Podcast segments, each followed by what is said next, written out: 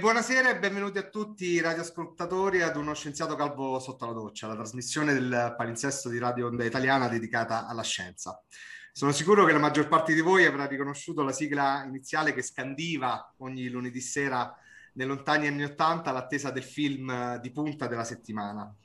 Um, era in effetti uh, un chiaro indizio per introdurre l'argomento uh, di questa sera. Insieme a me c'è Carmelinda Gentile, che ogni volta che... Ciao Carmelinda, innanzitutto come stai? Ciao, bene, grazie, buonasera a tutti. Che ogni volta e... che che è presente mi porta un, un, un ospite. Un ospite, un ospite. Questa volta eh, ho, ho, scelto il cinema e abbiamo uno scienziato del cinema che so eh, che è un tuo mito, quindi eh, ti lascio eh, lo spazio per, per presentarlo. Eh beh, sì, uh, lasciamo ancora un po' di uh, suspense um, perché in effetti parliamo di cinema e ne parliamo con chi il cinema lo conosce uh, davvero, lo conosce in tutte le sue sfaccettature. Infatti l'ospite di questa sera è regista, sceneggiatore e direttore della fotografia. Io devo ammettere che ne sono diventato subito un fan dopo aver visto il suo film, uno dei suoi film, è stato Il figlio del 2012. Da lì ho avvertito quella classica sensazione che si prova quando riconosci che quell'opera d'arte che hai davanti a te per i tuoi gusti, per il tuo modo di concepire il cinema, è un capolavoro. E lo dico seriamente con anche con un po' di emozione. E da quel momento sono diventato un, un, bambino che dopo aver provato per la prima volta la sua caramella preferita vuole mangiare solo quella. Allora mi sono letteralmente abbuffato dei suoi film e dei suoi lavori, solo per menzionarne alcuni, La Buca, Ritorno di Cagliostro, Lo zio di Brooklyn, fino ad arrivare alle sue prime esperienze televis- televisive con Cinico TV e i suoi innumerevoli documentari sul cinema. Diciamo uh, che forse è arrivato il momento di rompere gli indugi perché voglio dare un caldissimo benvenuto a Daniele Cipri. Ciao Daniele, come stai? Ciao, ciao a tutte e due. Ciao, bene, bene. Hai dimenticato però Totò che hai visto le ore. Eh, lo sapevo. Ecco. Lo sapevo. No, no, vabbè, ma sappiamo tutti che la tua filmografia è, è enorme, quindi...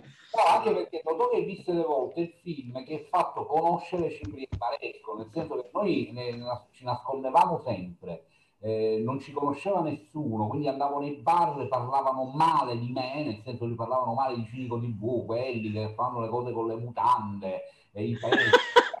non mi conoscevano, io ascoltavo, invece poi con Totò che ho visto le volte ci ha visto il mondo, perché ci hanno intervistato, il film che è stato censurato, eh, quindi eh, ci siamo rovinati. eh, ovviamente. Lo volevo lasciare dire a te, Daniele, perché ora se no prendevo io tutto lo spazio. Eh, Daniele, eh, quello che eh, ci piace, almeno a me, interessava molto in quanto trasmissione scientifica, è un po', vista la tua vena molto sperimentale, ci piaceva un po' capire quanto è importante per te uh, sperimentare nel cinema, quanto è importante in generale la sperimentazione, l'abbiamo visto, ne parlavi prima tu con Cinico TV, uh, l'abbiamo, l'abbiamo, visto, uh, spero tantissimi con lo zio di Brooklyn.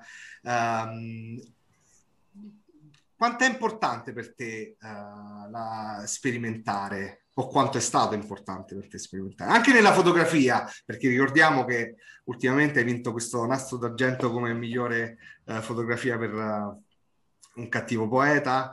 Quindi quanto è importante anche sperimentare con la luce, che è un po' stata l'origine no? del cinema.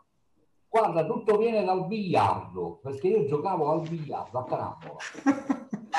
come giocatore di carambola e la carambola me la sono portata nel mio lavoro. Ma detto questo, che scherzo, io comunque non tanto, perché io carambolo con la luce naturale, carambolo con la macchina da presa, nel senso con gli attori, cerco di fare quelli che si chiamano piani sequenza, muovendo la macchina con una stecca, e le palle sarebbero gli attori che si muovono all'interno di una sola inquadratura.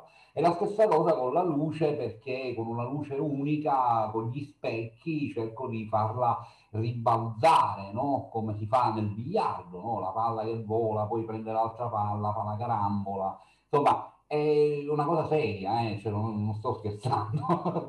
e quindi questa è malattia. Ecco, eh, io mi sono ammalato all'età di 12 anni con mio papà, perché mio padre riparava le macchine fotografiche, io facevo i matrimoni.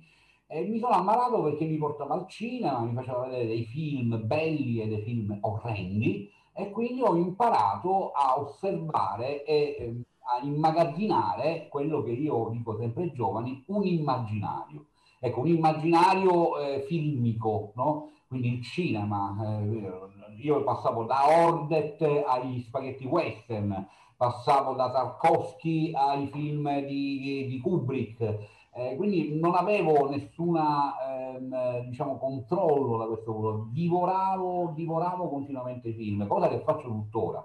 Quindi mi sono innamorato del cinema attraverso l'artigianalità, no? non la scuola, la formazione. Non ho avuto questa fortuna anche perché non avevo l'economia per poterlo fare. Io ero un lavoratore con mio papà, lavoravamo, io da piccolo proprio. Però lavoravo in un settore che non c'entrava nulla col cinema, perché lavoravamo con le immagini, ricordi dei matrimoni, ricordi delle famiglie, e dico sempre eh, che facevo la fotografia dei vivi e dei morti, perché fotografavo le famiglie, poi morivano i parenti e facevo le porcellane, capito? Quindi è un lavoro cinematografico quasi, la storia della famiglia. Quindi ho avuto sempre un rapporto ehm, ehm morboso con, con, le immagini, eh, anche se le riesco a controllare, non sono virtuoso, non riesco ad avere un rapporto eh, vicino, anzi mi allontano, mi dissocio da chi parla sempre di cose visive eh, perché mi interessa più la drammaturgia, anche della luce, la drammaturgia della recitazione, mi interessa il cinema, ecco, non eh, la pubblicità, cioè le immagini non mi interessano proprio, anche se le faccio, le faccio dei riconoscimenti, di questo ne sono grato, perché proprio le penso le cose insieme a, a, a colleghi, quindi a registi, che comunque scelgo, nel senso che mi fanno leggere le loro sceneggiature, mi piacciono e fotografo il loro immaginario e quindi scegliendole gli metto l'anima, cioè gli metto il cuore, più che una cosa tecnica, è una cosa proprio che gli viene naturale. Se io devo raccontare l'annunzio al vittoriale, quindi a casa sua, devo assolutamente entrare nel suo corpo, nella sua anima e raccontarlo attraverso d'annunzio. quindi è un lavoro che mi viene abbastanza facile per come mi sono posto io nel passato nel cinema. Non ho mai preoccupazioni, sono sempre emozionato al primo Chuck, sia di un mio film che di un film di un mio collega, e quindi spero di continuare perché sono innamorato di questa forma d'arte che comunque comprende tante forme d'arte, perché c'è ci sono gli attori, ci sono gli artisti visivi, c'è la, la scenografia, i costumi, eh, insomma è un lavoro abbastanza ampio, cioè ci sono tutti i mestieri del mondo, facci caso. Nel film ci sono tutti i mestieri, c'è il falegname, l'elettricista, eh, il costumista, il truccatore, e li devi controllare tutti. Qual è il primo film che hai visto al cinema? È molto complicato questo, però guarda, un ricordo che ho io era un film che si chiamava, che infatti l'ho citato nel mio Buda Buca, che era Elza Popping, perché lo vidi in tv e mi fece impressione perché era un film che non parlava di niente, era un film folle. Eh, però poi da quello sono passato ai Buster Keaton, a Stalle Olio, nel senso che... In, la TV in bianco e nero di quegli anni miei, parliamo del 60, eh, mi permetteva di avere un rapporto, una relazione con la TV di Stato che ancora mandava i film, capito? Mm. Cioè, mm. in bianco e nero. Io ho un ricordo bellissimo della fiera del Mediterraneo, mandavano i film la mattina, io marinavo la scuola e andavo o a vedere un film a casa, di mattina ti parlo alle otto e mezza, o andavo ai matinè del cinema a Palermo, perché c'erano dei cinema aperto, all'aperto. Però il primo film è una parolona, cioè come faccio a ricordarmi? Cioè, un, sicuramente un film che mi è rimasto nella mente, sono più di uno. Uno è Ordet di Dreyer, eh, l'altro è L'invasione degli ultracorpi, che è un fantascienza, fantacoscienza di Ron Siegel. Sono due film che io comunque nei miei film, visto che ho tanti film nei miei film, perché li evoco, questi sì. film ce li ho sempre sempre, sempre costantemente. che sono dei film che mi hanno dato una traccia di come sì. deve raccontare una storia. No, non copiandolo ovviamente, tanto una, lo ricordo. Ok, una, una domanda. France, perdonami, però io sono curiosa, capito? Cioè, qua siamo, cioè, sono vai, dentro, vai. sono entrata nel mio mondo, vedi, mi sono rianimata, cioè dal, qua, dal, dal, novembre olandese, io qua sono a novembre, sto vedendo il sole, vedo il, la luce alla fine del tunnel. Allora, ehm, Daniele, ehm, i tuoi film sono molto teatrali, in qualche modo. E, ehm, quando eh, vedi, scegli un, un attore, eh, a volte vedo che eh, più che gli attori si vedono, cioè sono già il personaggio in qualche modo. Quanto ti ispiri a dei personaggi che vedi e quanto l'attore diventa personaggio già nel, nella tua scelta o nel tuo immaginario? Guarda, oggi lo dicevo pure in un corso che ne faccio tanti, faccio il docente ospite, come vi dicevo all'inizio, che mh, con i ragazzi, con i giovani.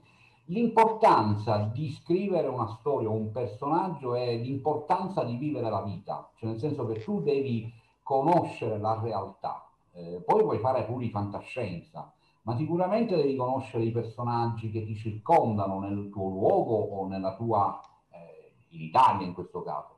Eh, quindi io prendo molto i mezzi, cammino molto a piedi, cosa che non facevo prima a Palermo, anche se Palermo è più piccola, quindi i personaggi venivano, come si dice e come dicono negli articoli, dalla strada, perché li trovavamo mano a mano e li usavamo per quello che, che erano, però costruendogli una nota in più, quindi li accordavamo, ecco, erano degli strumenti, avevano delle note e quindi tu li eh, modellavi, li facevi funzionare in un contesto. E la stessa cosa faccio da solo, nel senso che io prima di scrivere un film, anche se tratto da una storia vera, come il film che ha citato Francesco che è l'estate il figlio, io devo cercare il più possibile di trovare degli elementi narrativi eh, che sono legati a loro, no? eh, ad attori professionisti o attori non professionisti gli cucio addosso un'anima, eh, comunque è un'anima che comunque non è mia, è un'anima che ho visto da qualche parte. Sono personaggi che non filmerò mai col telefonino e che vedo in mezzo alla strada e li immagazzino nel mio immaginario, poi li metto nei, nei film. Quindi quel tipo di eh, recitazione, di mimica, eh, viene da là, viene da... Tanto è vero che i miei film, se non notate, sono, anche se sono girati a New York, sono sempre siciliani perché hanno sempre delle cadenze mimiche che ricordano sempre il, il, la mia terra. Quindi mm. qualsiasi cosa, se è un tribunale, se è un film ambientato in Sicilia, se è un personaggio che è nella luna, eh, cosa che non ho fatto ancora, lo farò, eh, è sempre un siciliano, è sempre qualcuno che comunque somiglia a me, eh, deve somigliarmi. Ecco, penso un po' Tony Servillo quando eh, io facevo da coach, gli facevo da, gli cucivo i miei parenti. Ecco, avevo trovato un'idea quali erano i personaggi che potessero raccontare eh, è stato il figlio, allora a quel punto ho preso un mio parente, un mio zio, mia zia, eh, cioè, Io ho costruito addosso ai personaggi tutti i parenti miei eh, e quindi hanno funzionato. Lui faceva un mio padrino che vendeva orologi al capo, che poi è andato via, è morto, è scomparso, e aveva questa mania di apparire, no? Oh, oh, oh, io sono, io quello, eh. E allora si muoveva pure in questo modo. E Tony mi ha dato una grande mano ad accordarlo bene, e, e quindi vengono dalla realtà. Eh, io dico sempre, faccio un cinema che è fantacoscienza, eh, come un po', io sono innamorato di Kubrick, quindi non posso che mh, sempre ricordarmi che c'è un grande maestro come lui. E la fantacoscienza mi dà la possibilità di prendere gli elementi reali e portarli e trasportarmeli in un mondo che può essere anche reale o irreale o di un tempo passato, non si sa. Io non ho mai un luogo, mai un posto, mai una data nei miei film, quindi sono sempre che volo nell'immaginario. Quindi questi personaggi vengono dalla, dalla, dalla verità, eh, dalla verità. Eh, Daniele, rispetto proprio a questo, a questo che stai uh, descrivendo, uh, e rispetto anche alla tua esperienza, parlavi di matrimoni, uh, della tua esperienza, diciamo, da, uh, da piccino. Uh, nei, nei, tuoi film, quello che ho notato, a parte la famiglia, è molto presente, quindi mi ha, ricordato questo dis- discorso dei matrimoni, ma anche, permettimi la parola, il ghetto, il, il, la, la, il personaggio che non vive nella società uh, comune, corrente, in quella che si conosce. Sembra, come dicevi tu, un luogo senza spazio e senza tempo. Da dove viene questa ispirazione, questa, questi, questi, quartieri isolati, queste strade isolate, quest, questo isolamento? Da, da, da quale esperienza, quale memoria? Guarda, io eh, giocando con Franco dicevamo sempre, noi abbiamo la nostra Monument Valley, io essendo un maniaco di John Ford, insieme a lui, eh, evocavamo il cinema western, no? allora c'era la Monument Valley, John Ford si chiudeva nella Monument Valley, noi non avevamo un luogo preciso, non volevamo essere contemporanei, non volevamo essere... E allora qual era la migliore soluzione, che poi è diventata quasi un'evocazione, una citazione a Pasolini? Prendere le periferie più sconosciute della nostra terra, non dico lo zen, ma che so, Bonagia, e farle diventare opere d'arte, no? Cioè, allora era, la sfida era il brutto che diventa bello, eh, il vestire dei luoghi che comunque non avrebbero mai fatto pensare a qualcosa di contemporaneo, perché noi parlavamo da tutto il mondo, cioè noi avevamo il post-apocalittico in tutto il mondo, però parlavamo da, da Palermo. Tanto è vero che poi Enrico Vieggi, che fu uno dei primi a lanciarci in questo meraviglioso mondo televisivo, disse che Cinico TV veniva dalla Luna, eh, cioè mm. era un posto metafisico quasi. Eh, e c'è una cosa bella di Enrico che dice vorrei, quanto vorrei entrare nel mondo di Cinico TV. Lui voleva fare l'attore di Cinico TV perché era una scatola costruita, guarda, ti devo dire la verità Francesco, con la disperazione, perché non avevamo i soldi.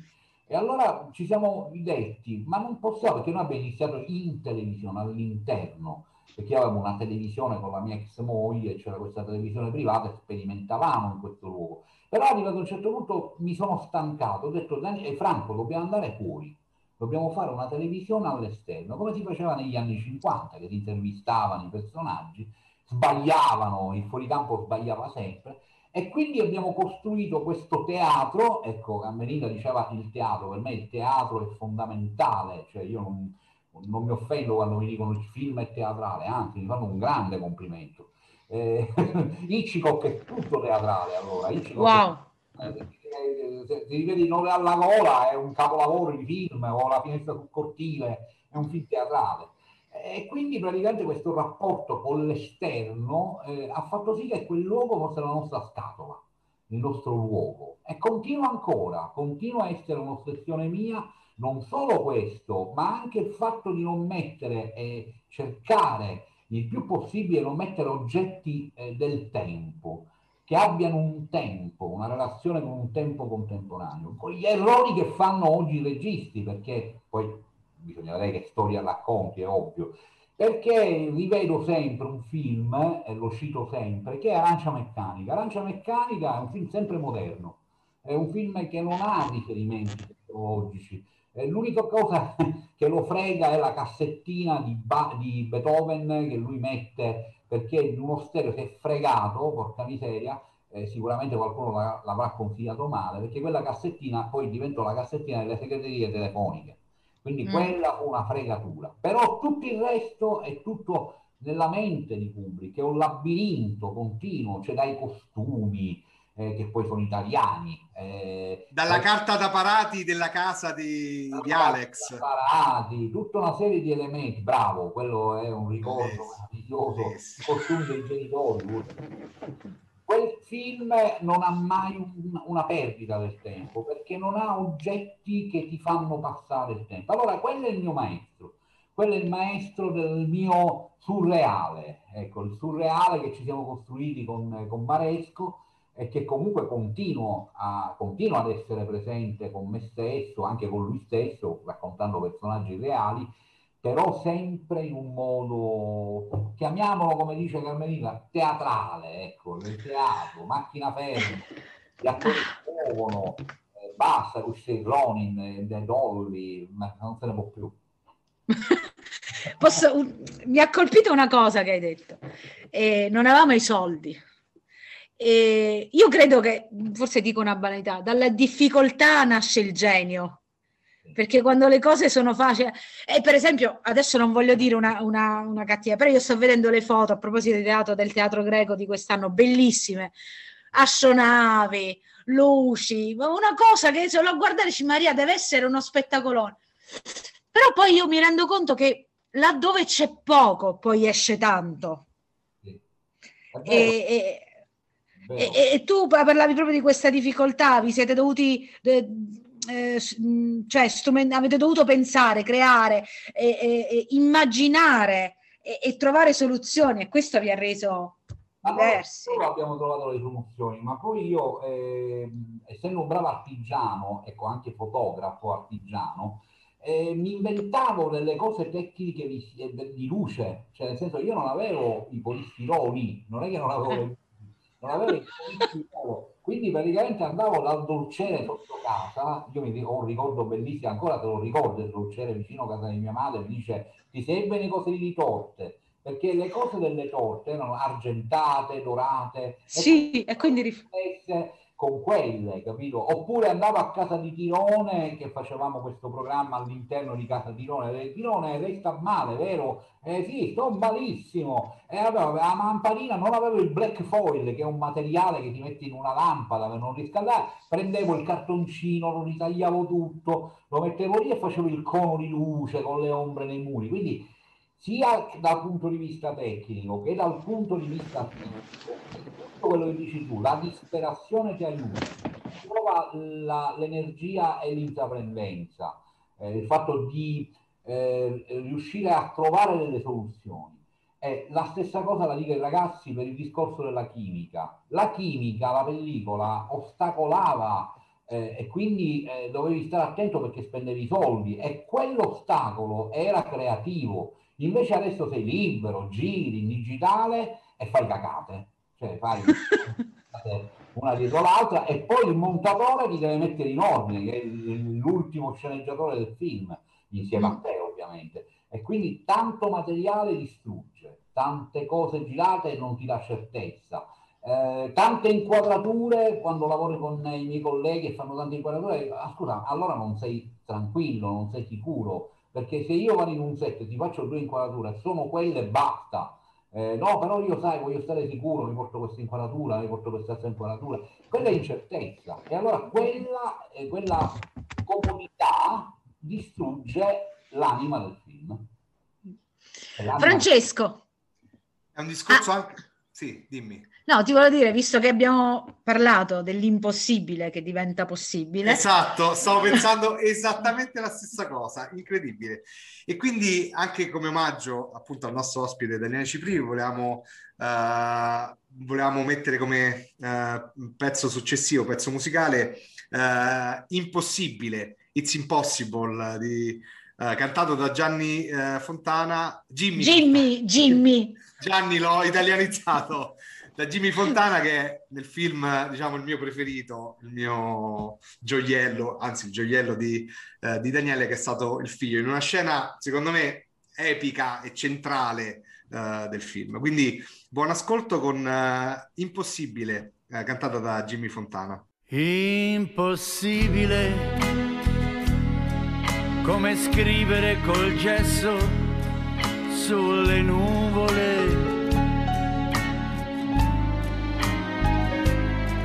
impossibile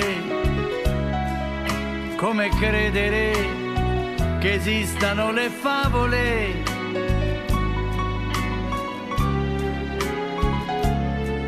Questo amore sembra un fiore che è sbocciato per errore tra la neve inverno che non ha né sole né pietà. Impossibile come accendere una fiamma dalla cenere e nascondere col sorriso questa voglia che ho di piangere. Ma ho paura di svegliarmi al primo battito di ciglia, di sentirmi dire è stato tutto un sogno. Io ti guardo e mi ripeto che è impossibile.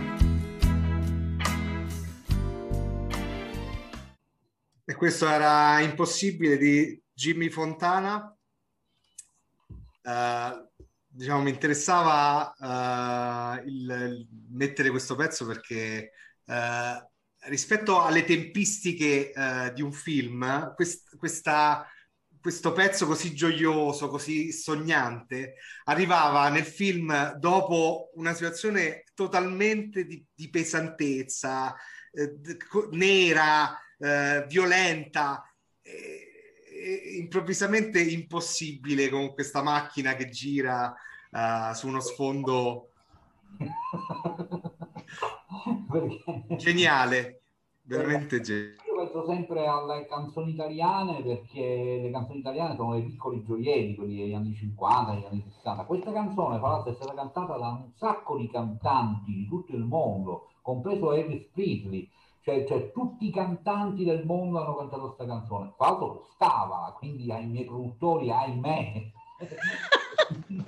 e quindi ho pagato i diritti musicali, ma ho fatto cantare un bravissimo cantante, imitatore a Milano, eh, mi ha fatto il Jimmy Fontana, anche perché Jimmy Fontana adesso ha una certa età, quindi io sentivo questo brano, questo è registrato, non dico adesso, ma più contemporaneo, quindi un po' più vecchiotto lui, però è stato un grande artista. E l'altra scelta fu una cosa che sembrerà strana, mio papà e mia mamma si sono conosciuti con la canzone Il mondo di Jimmy Fontana. Quindi ero indeciso se mettere il mondo o impossibile. Allora ho detto no, è meglio impossibile perché è un sogno, è un sogno, è una realtà che non è cruda, è, è che comunque non ti aspetti che un personaggio come, eh, come Tony Servillo abbia questa relazione con la famiglia, quindi il grottesco, l'assurdo, il, l'irresponsabilità. E allora lì, ecco, mi è venuta l'idea di Jimmy Fontana. E l'altra idea, che è quella dei cannoni, no? del viaggio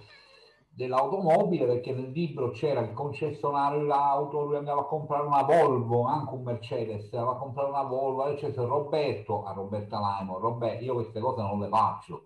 Quindi praticamente arrivato a un certo punto ho detto come mi può venire un'idea? E mi è venuta l'idea dalla disperazione, perché la regione Sicilia non mi aveva dato i soldi per il film, perché non aveva una lira, quindi andava a girare a Bindi, no? in, Puglia. Allora a quel punto ho detto, ora gli faccio un grande omaggio alla mia terra.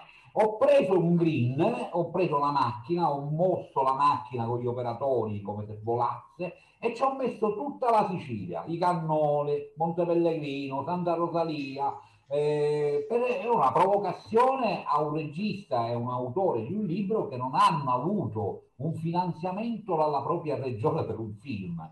Quindi eh, poi sono entrati lo stesso con una cifra ridicola, però perché ci tenevano ovviamente, ma non avevano il budget. Allora lì mi è venuta l'idea di come mangiare. Dico, in Sicilia non ci vado, perché ci, ci sarei voluto andare, perché io il budget l'avevo per andarci, però ho detto no, non ci vado la immagino ancora di più.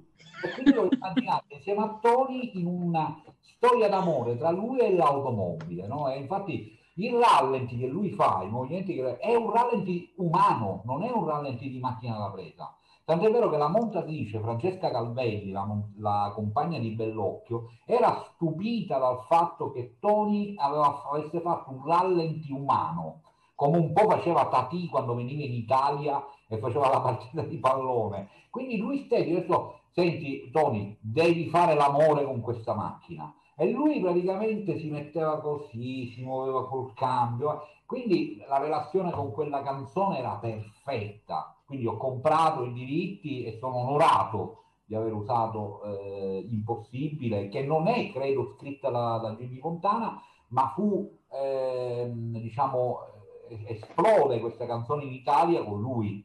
Cioè lui era un cantautore bravissimo, è un grande autore. E poi c'è il legame, come ti dicevo, con mio papà e mia mamma che ti conoscono eh, con una canzone bellissima che citai, cioè che ho messo pure in una cosa di Cinico TV che era il mondo. Quindi la famiglia torna sempre. Invece io c'è una cosa che adoro dai tuoi film, una canzone, vabbè, Playboy. Ah, ah Playboy, Playboy, quella, quella è originale, eh, quella è originale. Quella è, è bellissima e tra l'altro è scritta da eh, il mio attore eh, Giovanni Lo Giudice e eh, Mario Renzi, che è il violinista palermitano, uh-huh. bravissimo violinista che io conoscevo dai matrimoni. Io facevo i matrimoni e, e da ragazzino tenevo il flash a mio papà e vedeva questo che sono il violino tipo elettronico, eh, faceva il, il DJ col violino. E lui scrisse questa canzone, ma fu per caso. Io, eh, lui non neanche ci credeva il mio attore Giovanni, che era un disgraziato, e eh, lo è ancora. Eh, gli hanno dato i diritti, capito? Gli, gli hanno pagato i diritti d'autore. La prima volta con quella canzone che comunque, diciamoci la verità, è abbastanza... E... Poi non è quello che ha i soldi, alto, magro, basso, cioè è una cosa abbastanza cinica e maschilista. Forse per questo è così lontana da me che per questo la adoro. Una domanda. Quindi il tuo cinema non può esistere senza la tua Sicilia? Non c'è mai una volta che la dimentico. Anzi, devo dirti una cosa, adesso sto venendo da delle riprese fatte con Figaro e Picone che c'entrano poco col mio cinema eh, guardando gli attori siciliani, io devo dirvi che, e devo dirti che siamo i migliori nel mondo. Non, non c'è paragone. Cioè, eh, guarda, io ti faccio un esempio. Marti Scorsese, che è siciliano, i suoi attori li costruisce con la Sicilia. Cioè, se tu vedi De Niro, è un palermitano. Cioè, eh, come sì.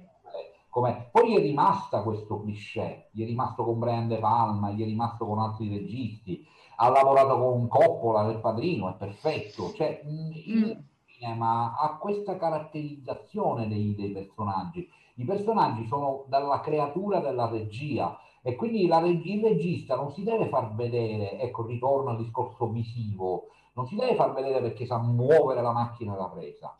Eh, oppure fa la bella immagine, ma dagli attori, perché sono la prima immagine del film quindi poi tutto il resto è fondi, ambientazione, ma la cosa principale, infatti Tony Servillo mi ha adorato e mi continua ad adorare, io l'ho chiamato per questo film, poi non è capitato più un'occasione, ma chissà se capiterà, ma si è messo a servizio perché mi ha detto tu mi hai violentato, perché gli ho detto quello che doveva fare, mentre forse gli altri non glielo dicono, non lo so, a parte Paolo Sorrentino che la, eh, l'onore suo di averlo portato come personaggio protagonista, eh, perché lui fa teatro fondamentalmente. Sì, sì. Il cinema non lo controlli, non lo gestiscono. E allora, eh, perché ti dico questo? Perché io sono abituato a mettere il mio pensiero mimico, quindi la Sicilia, ai personaggi che interpretano, anche se, ti ripeto, se siamo in un luogo che non è Palermo,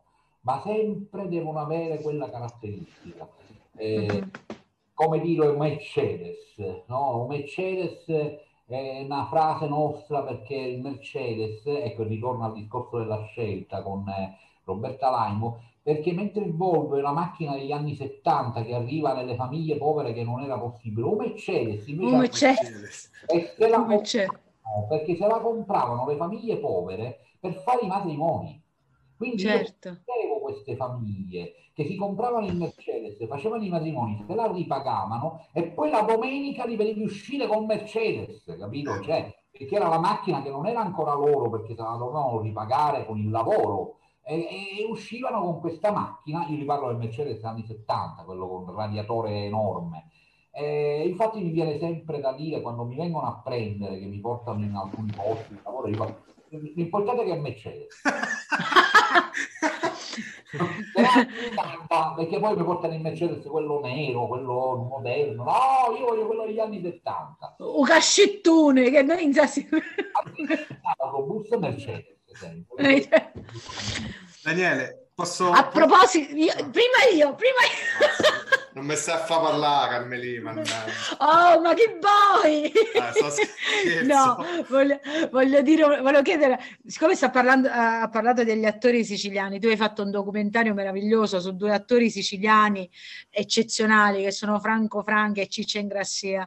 E, e, mh, mm, che a volte che forse il nostro, il nostro mondo della cultura italiana ha dimenticato, no? li ha lasciati un po' così, soprattutto eh, Franco che poi ha fatto un po' più televisione rispetto, rispetto a Ciccio. Quanto, quanto sei legato a questi due, due, attori, a questi due personaggi? Perché per, per parlarne c'è qualcosa che ti, che dentro ti ha portato, perché ho, cioè, tu fai cinema, fai le tue cose perché sei mosso dalle emozioni, dal sentimento, non lo fai perché ti dicono fallo, te ne fotte niente, lo fai perché ci deve essere una motivazione. Quindi cosa ti ha spinto a parlare di loro? Tanto con Franco Franchi io c'ero quasi parente, perché mia mamma lavorava con sua sorella, Bonanima, che adesso è morta, facevano scatole da regalo perché mia mamma veniva da Bisacquino, mio papà lavorava, però mia mamma lavoro non ne aveva. Allora per portare il pane a casa andava a fare queste scatole che ci mettevano i regalini, no? E la sorella di Franco lavorava là. Parallelamente Franco Franchi, siccome gli piaceva cantare, a lui piaceva che lui organizzava le feste, pagava le persone per sentirlo cantare venivano i matrimoni, venivano i matrimoni a cantare. Quindi praticamente io sempre col flash con mio padre, perché prima io aiutavo mio papà nei matrimoni, vedevo sti, sti miti, eh, Nino D'Angelo, lui, Mario Merola, e poi arrivava Franco Franchi con eh, Sono l'ultimo dei belli. Quindi praticamente avevo un amore spietato per loro, per, sia per Franco che per Ciccio perché mh, più che i film, eh, che ho un ricordo bellissimo nell'infanzia, che le sale erano stracolme, cioè eravamo seduti a terra, io mi ricordo pure, ma chi ti ha dato la patente, ero seduto a terra al Capitol di Palermo, che è un cinema che non esiste più, e, e incassavano l'ira di Dio, ma la televisione che hanno fatto Franchi e Ciccio, che è una televisione straordinaria, e il cinico di Bucci è pure molta anima di loro io li rispettavo, li volevo un bene dell'anima, li ho conosciuti nel periodo comunque del tramonto, eh, bene artisticamente, perché ero di famiglia, quindi diciamo poco avevo a che fare, loro erano sempre in viaggio. Ho conosciuto pure la famiglia di Franco e la famiglia di Ciccio, sono persone meravigliose, però la cosa che mi legava a loro era che loro due erano siciliani ovunque si siano, erano nel Far West ed erano palermitani Franco, Ciccio, Camaffari, erano nella fantascienza, erano palermitani, quindi poco importava del film, perché loro hanno eh, avuto la capacità di eh, rinnovarsi all'interno del cinema, più che Totò, perché Totò poi ci faceva Totò maciste, Totò non funzionava, funzionavano più loro, infatti erano amati dagli addetti ai lavori. È una cosa che hai detto che noi l'abbiamo ricordato a Palermo con un, mio caro amico che è Giuseppe Di Causi, che è un ragazzino che li ha seguiti da anni eh, a tutti gli oggetti, ora stanno credo facendo, aprendo un museo su Franco e Ciccio a eh. Palermo. Eh. Ma non li ricorda Cinecittà ed è una cosa grave perché loro salvarono Cinecittà economicamente perché incassavano, infatti li, li cita Fellini, Fellini, Federico Fellini cita Franco e Ciccio in un documentario perché in quel momento Cinecittà stava precipitando. Quindi qual era il cinema che portava economia? Quello di Franco e Ciccio. Quindi non gli hanno mai dedicato una cosa. Infatti lo devo dire, devono all'Istituto Luce, a qualcuno, devono dedicare qualcosa all'interno di Cinecittà, perché se lo meritano, perché sono persone e sono attori che hanno veramente scolpito un tempo della nostra sì. storia del cinema. Leggero, comico, però eh, hanno fatto tanto, tanto, come tanti altri eh, che sono stati dimenticati. Però sicuramente era dovuto un omaggio da me Maresco a loro due, addirittura pensavo un film, però è impossibile perché, ecco, impossibile, per, economicamente, perché sarebbe un film in costume, costava troppo. E allora abbiamo fatto in Cagliostro l'omaggio a loro due, i fratelli La Marca, che erano due che amavano il cinema ed erano Franco e Ciccio, perché erano disastrosi, non riuscivano a fare film. E quindi praticamente andavano da un prete a farsi dare i soldi per fare brutti. E quindi chi erano? Franco e Ciccio. Bene.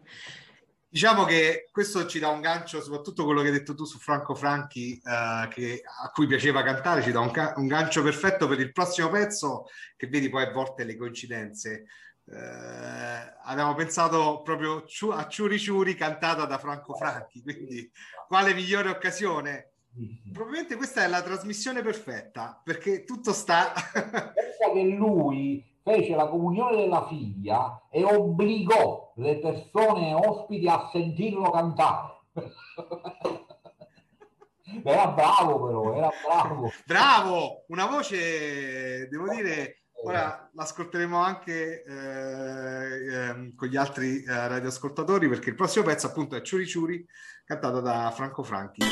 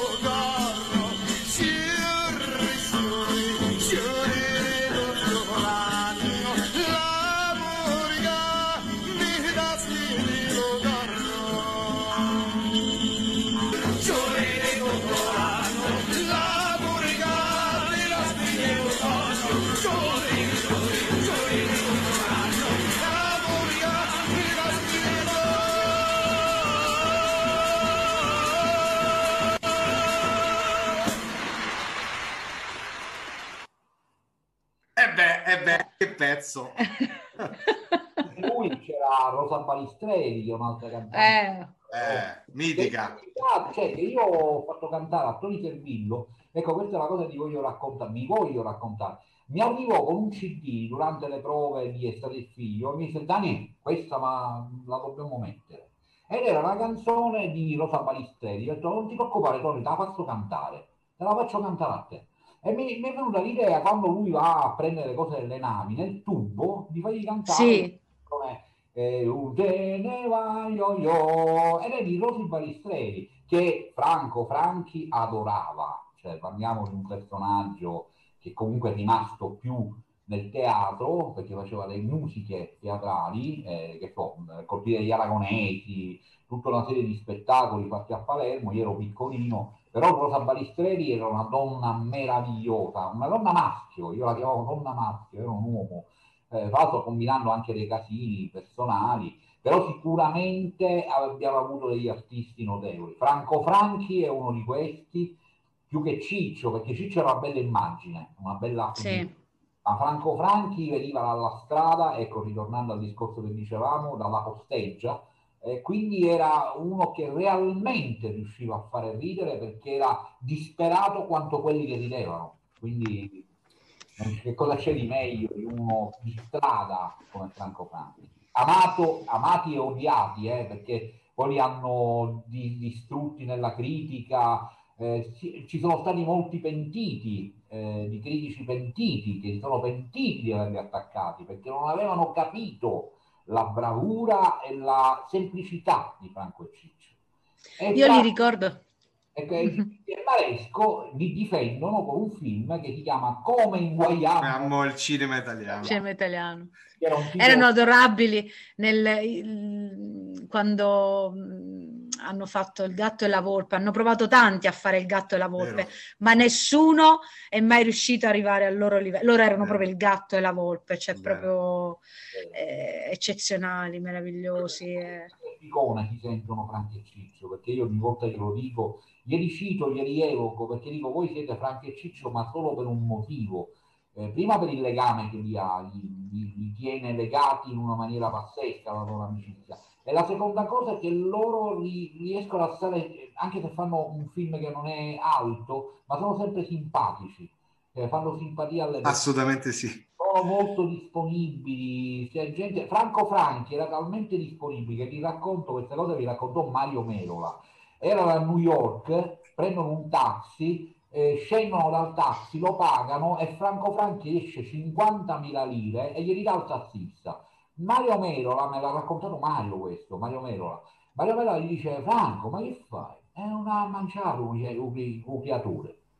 Capite? Gli ha dato 50.000 lire di mancia. Questa cosa a lui l'ha fregato, perché poi, poi lui per questa maniera di grandezza fu frainteso e lo, e lo misero al maxi processo. Tant'è vero che poi Falcone, buonanima, lo difese e disse lui con la mafia non c'entra nulla.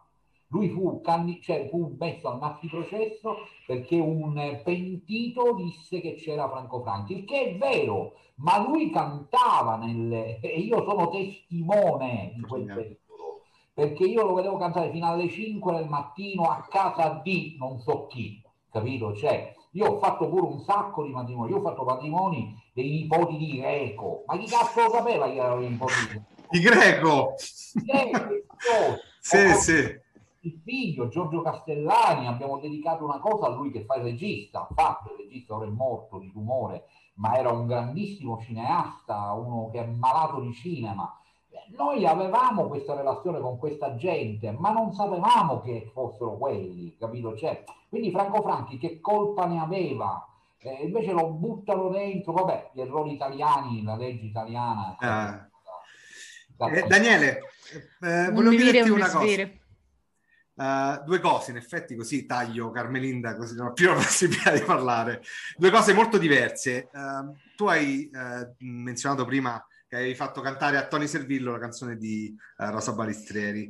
È una cosa che ritorna nei tuoi film, che improvvisamente, in modo estemporaneo, fai cantare i personaggi dei film. Nello Zio di Brooklyn capita una cosa divertentissima che durante una processione poi c'è un, un personaggio me, che entra eh, diciamo davanti alla, alla, scena e inizia a cantare così improvvisamente. Questa è una domanda, poi una domanda completamente diversa, cioè perché? Qual è il, eh, la motivazione? La seconda domanda, totalmente diversa, se oggi eh, sarebbe possibile, al giorno d'oggi, con le varie piattaforme, sappiamo tutti uh, a cosa uh, mi riferisco, eh, sarebbe possibile un cinico TV più in generale se oggi è possibile un cinema e una televisione che va, che rischia, che va oltre, che, che non segue i normali, uh, i normali standard, diciamo. Uh.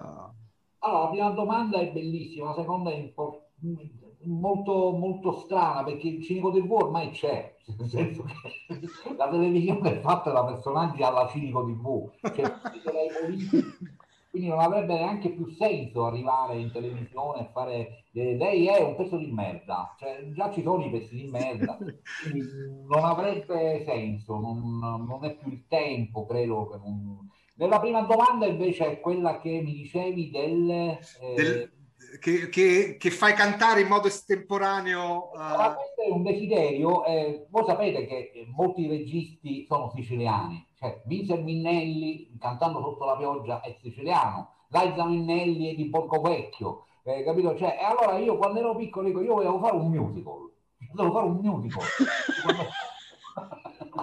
quando ho fatto Stano da morire con Roberta ero felice perché ho detto finalmente facciamo un musical però era un musical grottesco eh. allora ho sempre avuto anche con Franco la tentazione di fare un'opera lirica con i miei personaggi eh, cosa che poi ho fatto invece seriamente alle, mm, a Firenze mi chiamarono per illuminare un'opera lirica e l'ho fatta perché ho fatto anche questa esperienza col direttore d'orchestra. Io ho detto Marco a bell'occhio, ma come devo comportarmi? Dice, devi seguire il direttore d'orchestra. E io seguo il direttore d'orchestra. Però il mio desiderio è stato sempre quello di fare un, o un musical o un'opera lirica con i miei personaggi. Quindi nei miei film c'è sempre il desiderio, fatemi fare un musical, fatemi fare un musical. Come Franco Franchi che voleva cantare, un po' quello. Esatto, esatto. però un musical scadente, non voglio fare un musical alla Vince Minnelli, cioè io voglio fare un musical dei poveri, cioè una cosa ehm, che comunque mi appartiene. Allora i personaggi per intrattenere da un film come Lo zio di Brooklyn dal nulla, perché di fatto quel film è un film che non parla di niente, a parte l'arrivo di uno zio d'America, eh, non fa niente.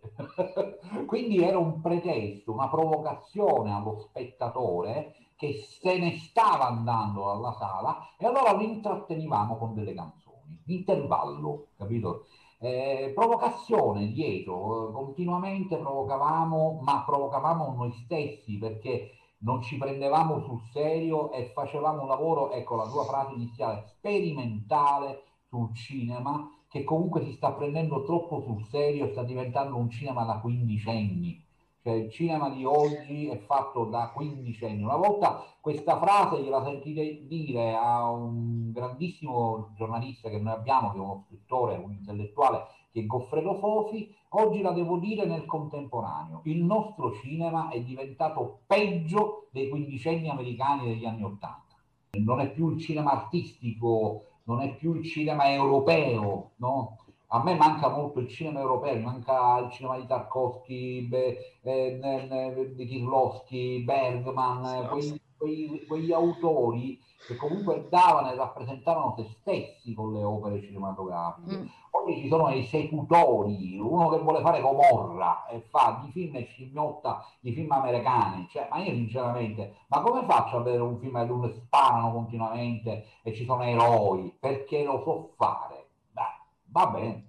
Che fra l'altro, che da quando eravamo giovani e hanno la malattia di diventare registi americani, io sinceramente non ho tutto questo desiderio cioè io, anzi, gli americani quando vengono in Italia, fate Chicago, citano sempre il nostro cinema. Dice io mi sono formato con i film di... Eh, e citano tutti i registi. Ah, eh, ultimamente Spielberg che ha preso il Davide Madello eh, era eh, Fellini, capito? Cioè, I nostri registi migliori. L'altro giorno ho scaricato, non è una parolaccia perché ormai lo fanno tutti, ho scaricato tutti i film di Bellini in alta qualità e mi sono rivisto un capolavoro che avevo visto da piccolo e non l'avevo capito, non l'avevo concepito, eh. la nave va. Ragazzi, è un capolavoro di film, cioè impressionante quel film. Ed è un film che non l'hanno mai amato e mai citato. Se te lo vedi, mi darai risposta. Ecco, tu che ami il teatro e fai il teatro, devi vederlo quel film. Lo vedrò impressionante, impressionante. Quindi viva Fellini, è il grande maestro delle, della bugiarderia. Lui era il grande bugiardo, era un grande bugiardo della realtà. E vabbè, allora guarda, mettiamo... Che, che, vuoi, che vuoi ascoltare? Diamo, diamo, a te la possibilità, possiamo mettere qualsiasi cosa. Me lo chiedi? Sì, sì, Daniele. Sì. E mezzo è una musica spettacolare e andiamo con 8 e mezzo. Nota. Grandissimo. Una nota che comunque è inimitabile, anche se alcuni lo vogliono imitare, ma è inimitabile, come Bernard Herrmann, che era il musicista. Mm. Cioè, sono autori di musiche che facevano opere, non facevano film. Eh, poi Rota si è ritrovato un grande regista come Fellini e quindi è diventato Nino Rota. Eh, Rota sia, tra l'altro, eh, e la nave va consideriamo un po' come una, una speranza appunto per uh, questa trasformazione, come la chiami tu Daniele, di un cinema che da morto diventa uno zombie, diventi uno zombie un po' più carino. Va? E io con questo ti ringrazio tantissimo, Daniele, sei stato simpaticissimo, ci hai ispirato come i tuoi film. Eh, insomma, sei stato veramente... È il mio film, perché io sto preparando ah, l'anno prossimo. Ci puoi dare delle anticipazioni così? Parla sempre di famiglia. Eh, spero che questa mia idea, comunque è piaciuta, quindi me la stanno attivando per la sceneggiatura, eh, parlo anche della tv locale degli anni 70, quindi dei falliti, i falliti, i dittatori, i cartomanti, Lady Barbara, te la ricordi Lady Barbara? E eh, cioè, perché mi chiami tu a me? Io mi ammazzavo dalle risate con Lady Barbara. Pure, però fondamentalmente parlo di un padre e di un figlio, eh, una mm. relazione abbastanza complessa, eh, perché questa riflessione la faccio perché personalmente, perché avendo un figlio mi ha, da, mi ha fatto delle domande e io non sapevo rispondere. E quindi da lì voglio capire come posso... Eh, castigare un padre. Perfetto. Allora, con questa fare cantare i tuoi attori anche in questo caso? Cercare di. Ci sono dubbi, che c'è canto, ballo, c'è tutto. La televisione privata l'ho messa come pretesto. Certo. Io devo fare un film serio, drammatico, come un po' è stato il figlio, che è la drammaturgia alla fine, però prima mi voglio scialare. Oh, che bellezza. Beh, però brutti, cioè, capito? Cioè, certo. Le cose, le sciattarelle. Eh, comunque, come quella televisione che io ho conosciuto, perché è il mio mondo. E allora vorrei girarle in Sicilia perché voglio, desidero tutti attori siciliani. Va Daniele, bene. ti ringrazio ancora e io spero insieme a Carminda di averti ospite quando volete. Grazie quando tantissimo. Volentieri. E in bocca al lupo per il tuo nuovo film e per i tuoi Tanta nuovi merda. film come Tanta merda. Ciao, grazie anche a te Carmelinda sì. e alla prossima. Ciao ciao. Ciao ciao.